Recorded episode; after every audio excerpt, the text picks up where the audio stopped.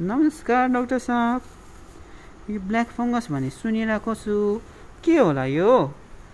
हजुर बुवा नमस्ते। आजकल यो ब्ल्याक फङ्गस भन्ने नाम धेरै आइरहेको छ। यो भनेको चाहिँ एक प्रकार प्रकारको ढुसी जस्तै रोग हो जसले चाहिँ हाम्रो पिनास आँखा फोक्सो छाला तथा दिमागमा चाहिँ असर पार्न सक्दछ। धन्यवाद डाक्टर साहब। अहिले यसको सङ्क्रमण किन वृद्धि भएको होला त नि? अब अहिले यो कोरोनाको महामारीमा चाहिँ अब कोरोनाको बिरामी बढेको छ। त्यसको साथसाथै चाहिँ यसमा प्रयोग गर्ने औषधि जुन स्टेरोइड भनिन्छ त्यसले गर्दाखेरि चाहिँ हाम्रो शरीरको प्रतिरोधात्मक शक्ति कम हुन्छ र यो वातावरण चाहिँ यो फङ्गसको लागि चाहिँ एकदम उपयुक्त हुन्छ। त्यही भएको भएर चाहिँ यसको सङ्ख्या चाहिँ अहिले एकदम बढेको हो बुवा।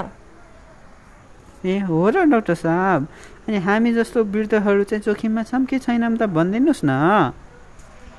अब वृद्धहरू अलि जोखिमकै दायरामा त पर्छन् तर बढी जोखिममा भन्नु पर्दाखेरि चाहिँ जसको चाहिँ सुगरहरू कन्ट्रोल भएको छैन उहाँहरू जसलाई चाहिँ एड्स एचआइभी लागेको छ अथवा जसलाई चाहिँ क्यान्सर भएको छ अङ्ग प्रत्यारोपण गरेकाहरू र लामो समयदेखि चाहिँ अघि भनेको औषधि जुन स्टेरोइड छ तिनीहरू खाइराखेहरू बढी जोखिममा छ। र बच्चाहरूको हकमा भन्नुपर्दा चाहिँ जसलाई चाहिँ कुपोषण छ र जो चाहिँ कम तौलमा जन्मेका छन् अथवा चाहिँ उमेरभन्दा अगाडि जन्मेका छन् तिनीहरू चाहिँ बढी जोखिममा पर्ने हुन्छन् बुवा। ए अनि यसको लक्षणहरू चाहिँ के के होला त नि? अब भन्नुपर्दाखेरि यसले कुन भागमा असर गरेको छ त्यही अनुसारको लक्षण हुन्छन्। प्राय त अब धेरैलाई ज्वरो आउने खोकी लाग्ने अब छाती दुख्ने अलि सास फेर्न गाह्रो हुने साथै टाउको दुख्नेहरू हुन्छ। र पिनासमा आँखामाहरूमा लाग्यो भने चाहिँ नाक आँखा अनि गाला अनि मुखमा कालो कालो घाउ आउने जस्तो समस्याहरू आउन सक्छ बुवा। ओहो धेरै नै डरलाग्दो रोग रहेछ त यो त। यसको उपचार कसरी गरिन्छ होला?